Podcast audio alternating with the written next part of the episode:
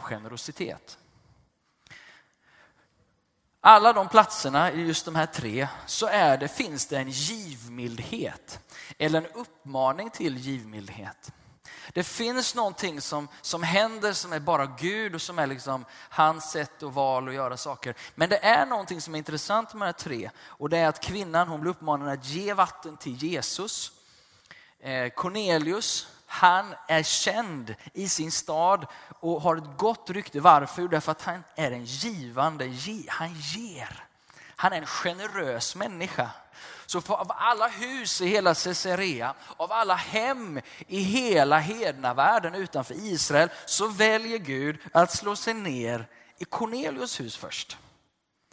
Och det vi vet om honom är att han är officer, vi vet att han är en givmild man och vi vet att han ber och fruktar Gud.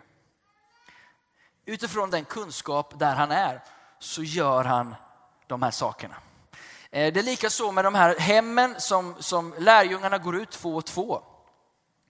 Vad är det som kännetecknas? Jo, att de blir emottagna och att de börjar servera mat.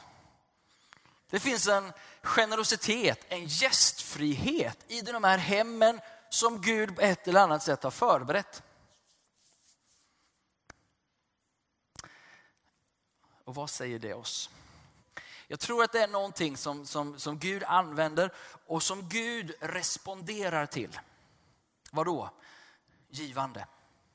Det är någonting som har med givandet människor emellan, när vi blir generösa, när vi agerar generöst, då är det som att inte himmelen kan sitta still.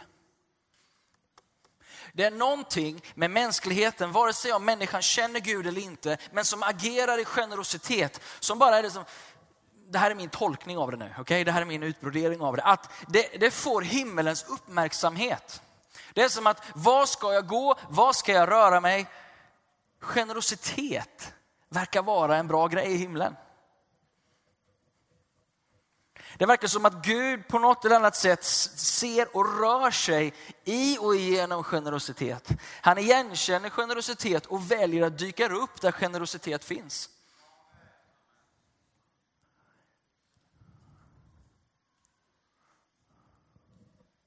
Jesus säger så här, det är saligare att ge än att få.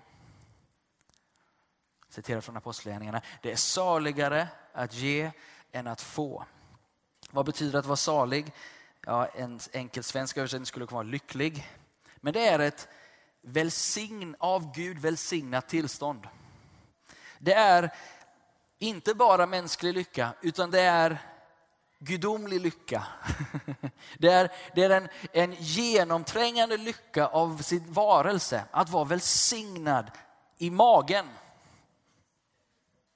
Inte bara i hjärtat, utan det har sjunkit ner ända ner i magen.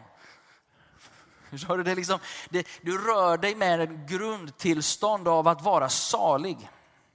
Och då säger Jesus så här, det är hur kommer du in och liksom kopplar in i den här saligheten?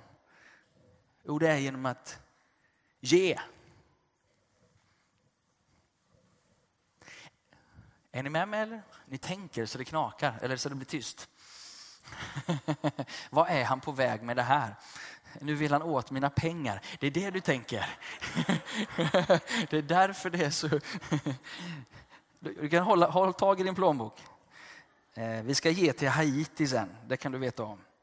Eh, men de pengarna ska vi, eh, ska bara säga det att vi har, vi har, vi har två vän, vänner, eller vänner till församlingen som jobbar i Haiti. En är Bruce Collins. De har precis startat två stycken jordbruksskolor i Haiti som två prototyper för landet. Tanken är att mobilisera hundratals, om inte tusentals jordbruksskolor i Haiti.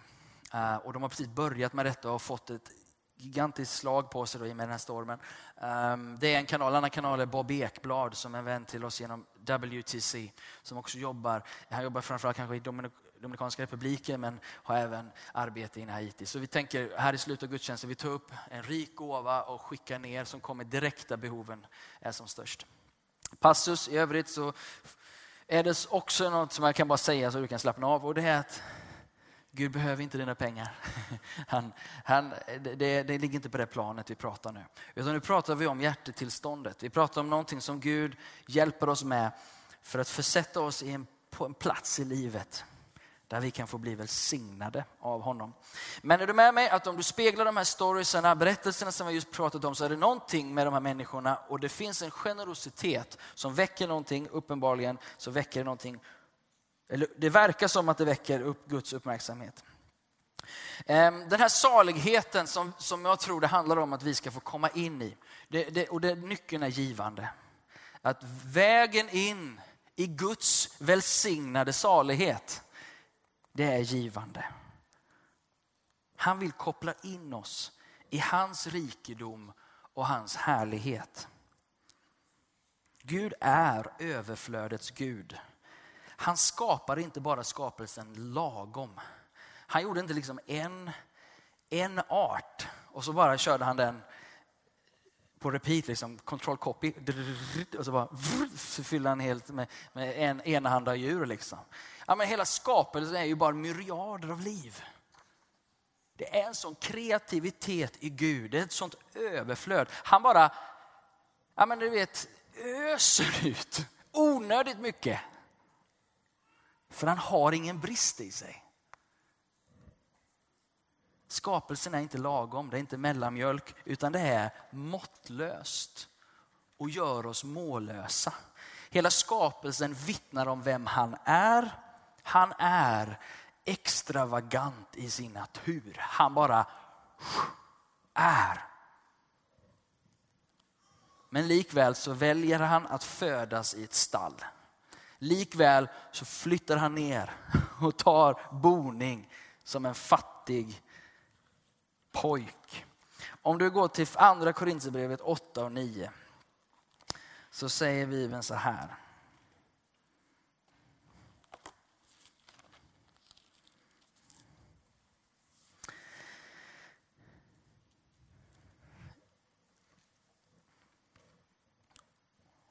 Och det här lilla hjulet som ni ser framför er om ni är nya i kyrkan här så är det här våra sju värderingar som vi, Guds rikes värderingar och Eh, vi pratar nu under värdering nummer fyra, att leva i bön, tillbedjan och Guds ord.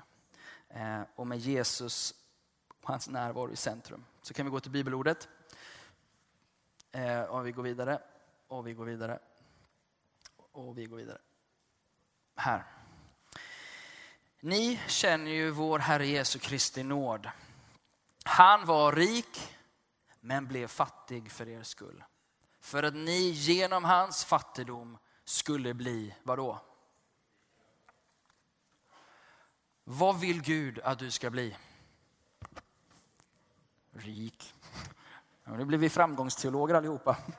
Oj då, så tokigt.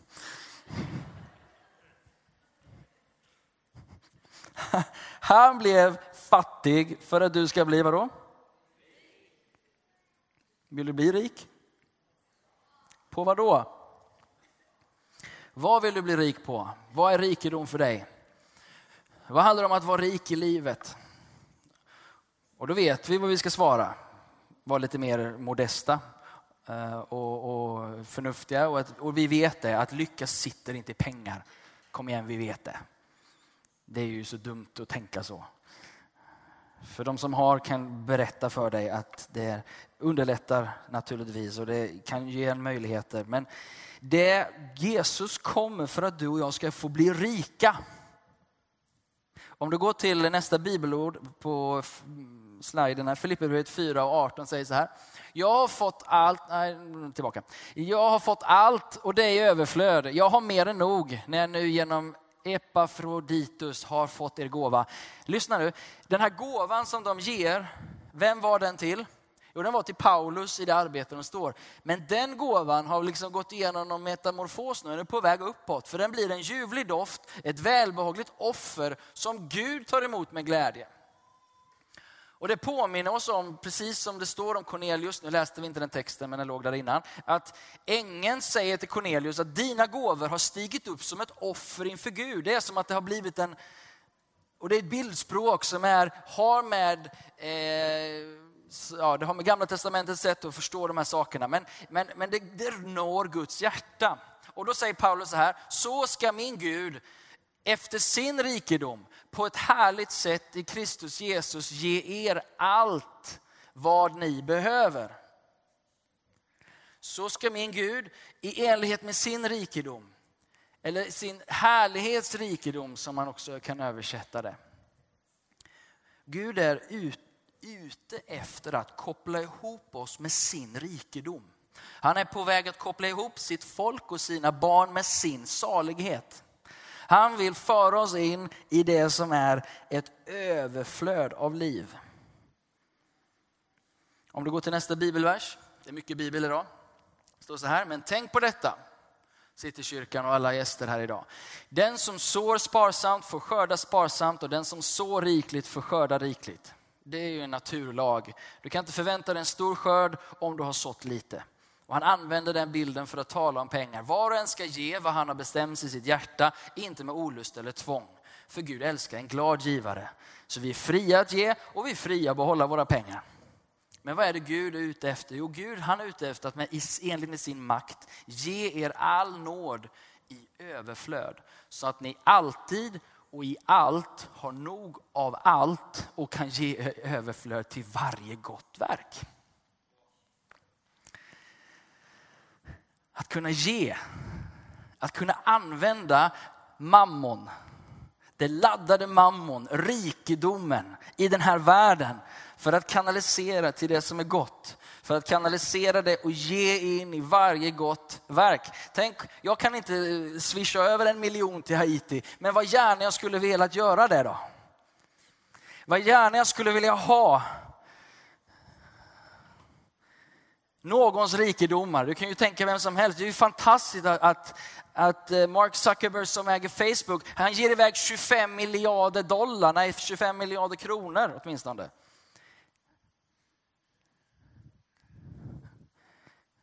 Eller hur? Tänk att få ha pengar. Tänk att få ha möjlighet att ge till varje gott verk i överflöd. Tänk att få sätta miljarder i rullning. Men det börjar ju inte där och det är inte det, det, det, är inte det som är riktigt syftet här, att vi alla ska sitta och tänka så egentligen. Men vårt hjärta. Gud vill ta oss in i en salighet, i ett överflöd av hjärtat. Jesus säger i Johannes 10.10, 10, jag har kommit för att de, alltså ni, vi, ska ha liv och liv i överflöd.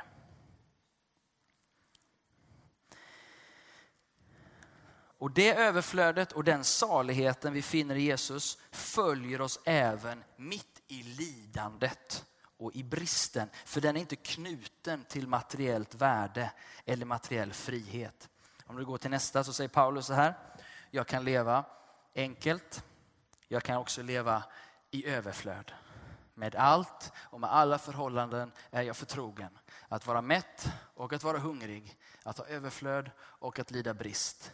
Allt förmår jag i honom som ger mig kraft. Det är en fri människa. Det är en som förstår vad överflöd handlar om. Han, han har överflöd mitt i fängelset. Han sitter i fängelse när han skriver det här till Filipperna. Och ändå uppmanar de att vara glada i Gud. Glädjen eder i Herren. Återigen säger jag eder, glädjen eder. Det är en fri man som har upplevt överflödet i magen i kroppen, i hjärtat, i sitt, i sitt varande så är han kopplad till Guds salighet. Och de kan banka ursäkta, skiten ur honom. Och det rör inte hans salighet. Det rör inte hans hjärtas frihet. Han är fri i hjärtat. Han kan äga, äga miljarder eller han kan sitta i fängelse. Han är lika fri.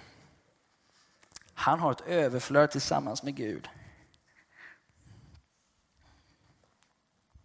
Och vad är, det, vad, är, vad är det jag tror Gud vill göra med oss här nu? Jag, om vi går till nu egentligen den texten som jag som vi bara ska snudda vid idag, men som, som har molt i mitt hjärta. Om vi går vidare här.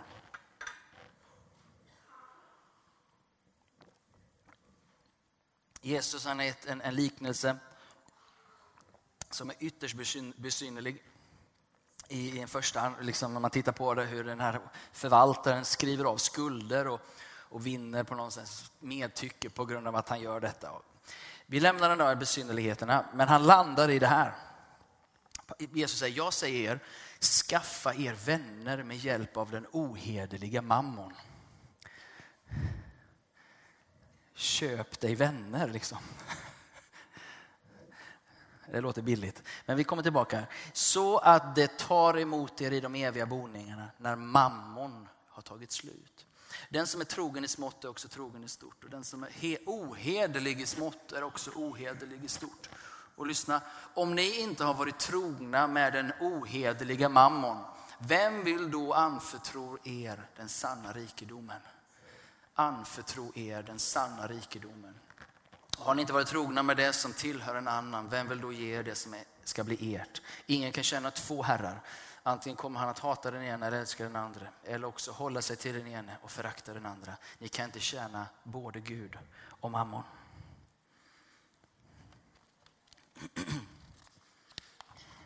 Vad menar Jesus med det här?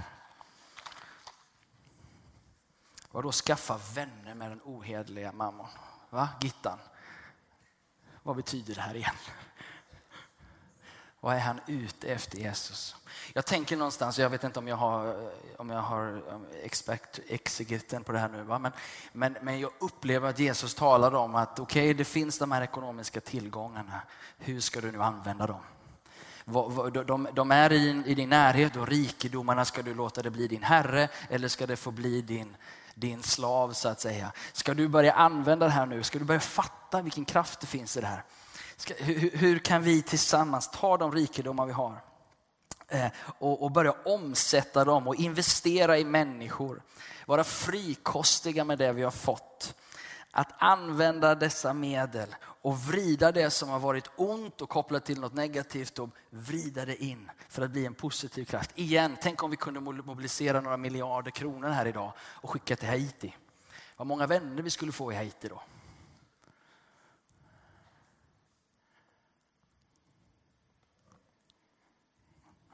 Jag menar det.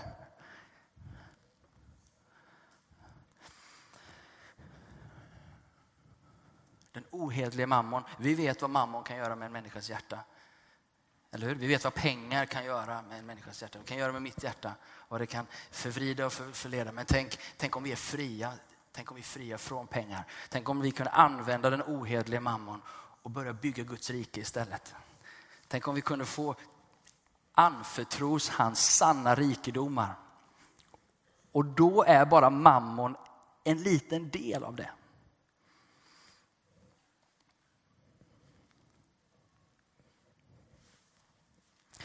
Gud vill ta oss in att anförtro oss den sanna rikedomen. Han vill anförtro oss sitt rike. Och vi, jag, jag, tror att vi har bara sett precis början av det han vill ge till sin församling att förvalta i den yttersta tiden. Om du läser Uppenbarelseboken så vet du att pengar kommer vara en nyckelstrid i det finansiella systemet i slutändan.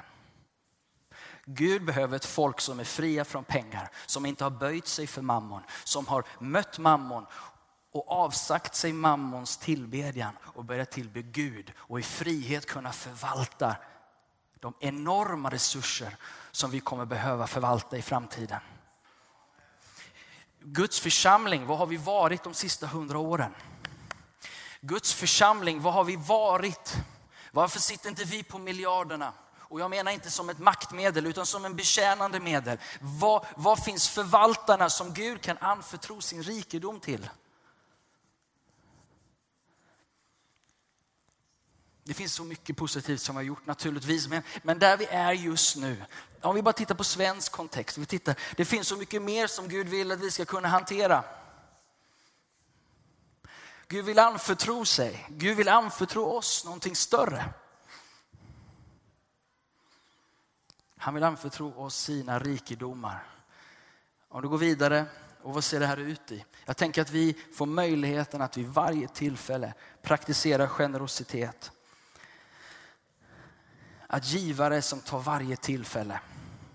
Det här är bara väldigt enkelt. Jag vet inte om du förstår mitt hjärta i det här. Och jag säger konstiga saker i ditt huvud. Men, men jag, det är det här givarens generösa hjärta. Där, där, där vi växlar läge. Um, det kan utspela sig i, i vardagssaker. Om någon vill dra dig inför rätta och ta din tunika, vad gör vi då? Vi väljer att ge. De får manteln också. Någon drar dig och säger, gå en mil med mig. Vi praktiserar givande, vi går två mil med dem.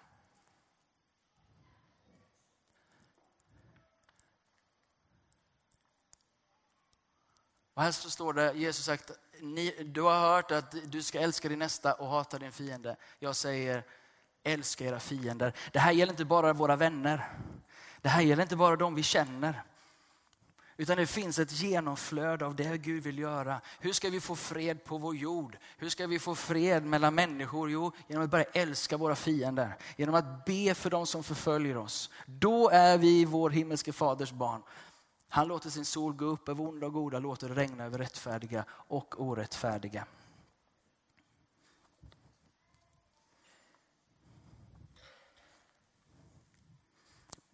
Utmanas att ta varje tillfälle. Utmanas att när, i sådana här tillfällen så är det inte så här bara, åh vad härligt att ge kanske. Men det finns en inställning som föds i Guds hjärta. Gud visar vägen. Eller hur? Ty så älskade Gud världen. Medan världen inte ville kännas vid Gud så väljer Gud att älska världen. Och vad gör han utifrån sin kärlek? Han ger. Han är generös. Han är generös från hjärtat. Generös mot de som är ogenerösa. Av hjärtat generös mot de som kan uppfattas som hans fiender.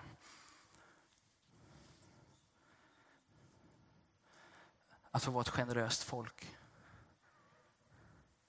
Mitt i lidandet eller mitt i när vi har blivit fängslade, mitt när vi har blivit torterade. I Guds hjärta och från Guds hjärta så finns det fortsatt ett givande.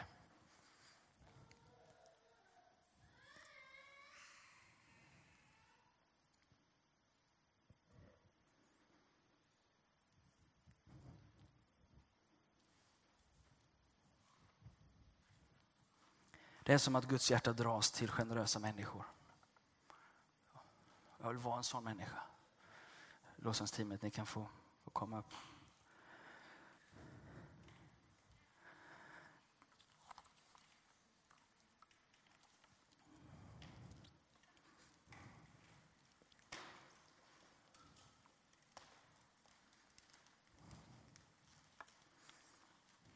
jag tänker att det här har med vår tillbedjan att göra tillbedjan börjar med att ge. Precis som kvinnan vid brunnen. Jesus sitter där och är törstig och ber om ett glas vatten. Och så kommer kvinnan och ger det lilla hon har. Och det representerar något så vackert av hennes hjärta. Och så säger Jesus, du ger mig det du har, så ska jag ge dig vad jag har. Strömmar av levande vatten ska få springa fram ur ditt inre givandet bara sätter igång någonting. Det handlar inte egentligen om vad du och jag kan ge, utan det handlar om vad han har gett. Det handlar om vem han är. Han är himlaljusets fader och endast goda gåvor kommer ifrån honom. Att förstå vem han är och när hans folk lever i rytm, i balans, i, i, i ett med hans hjärta. Förstår ni vad jag menar då? Att givandet, vi kan inte, som, som Johannesbrevet säger, om vi säger att vi älskar Gud men hatar vår broder, då har vi inte mött kärleken. Att få ihop de här världarna, hur den, det, det generösa givandet från våra pengar har med den här tillbedjandes tillvaro, tillbedjarens liv. Därför att det springer först och främst ur Guds hjärta. Han är givaren, därför ger vi. Han är generös, därför är vi generösa. Du får gärna spela lite Gabriel.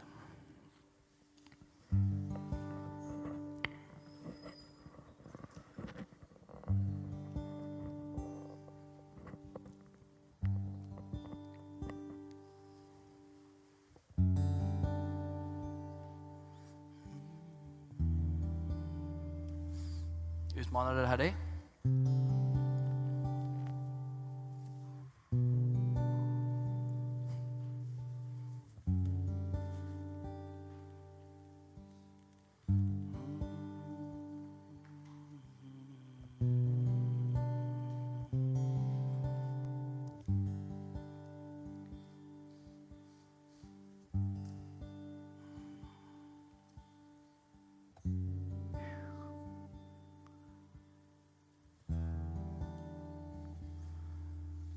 Anförtror dig och mig sina rikedomar.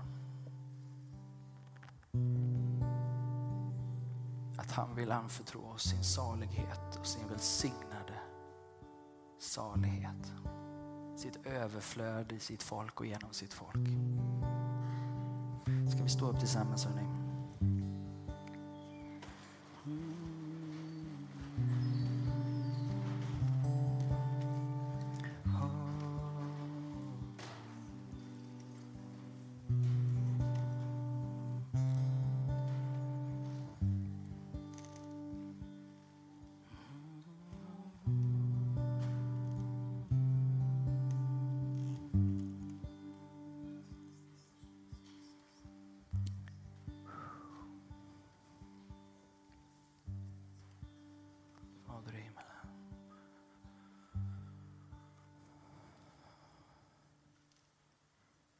För ditt generösa hjärta Gud.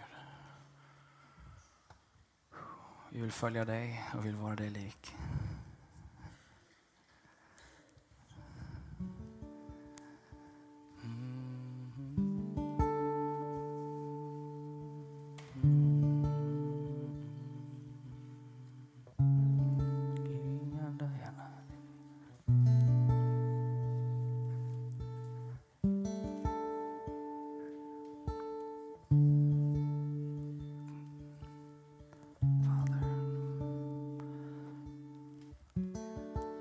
Mycket rikedom som vill komma. So much wealth.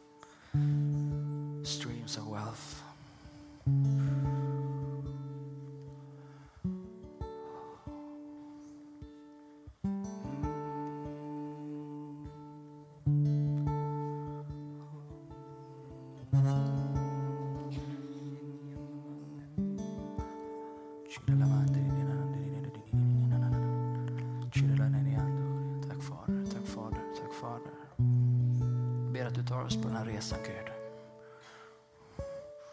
Hjälp mig Herre också att släppa kontrollen. Hjälp mig Herre att kanalisera det du ger Herre. Tack för den förmögenhet du har gett oss att förvalta idag Herre. Låt oss få vara goda, trogna tjänare i det lilla Herre. Tack att du utökar området idag Herre. Att vi får säga nej till den ohederliga mammon och säga ja till en, en obegränsad far. Ber om det här, den här ekonomiska genomströmningen här. Jag ber att det skulle få träffa våra plånböcker på ett eller annat sätt. Träffa våra konton här, träffa våra arbeten och vårt förvaltande av ekonomiska medel här. Men låt det gå djupare. Låt oss av hjärtat, låt oss av hjärtat förstå här. Låt oss av hjärtat få uppleva ditt överflöd och den salighet som finns i givandet Herre.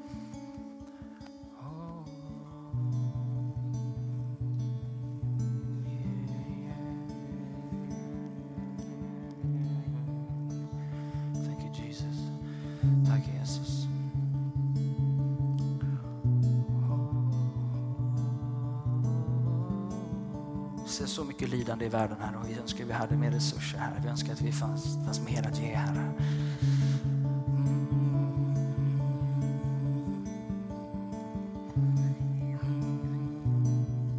I vår egen stad och i vår egen närvaro, eh, i vår egen sfär, i vår egen närhet.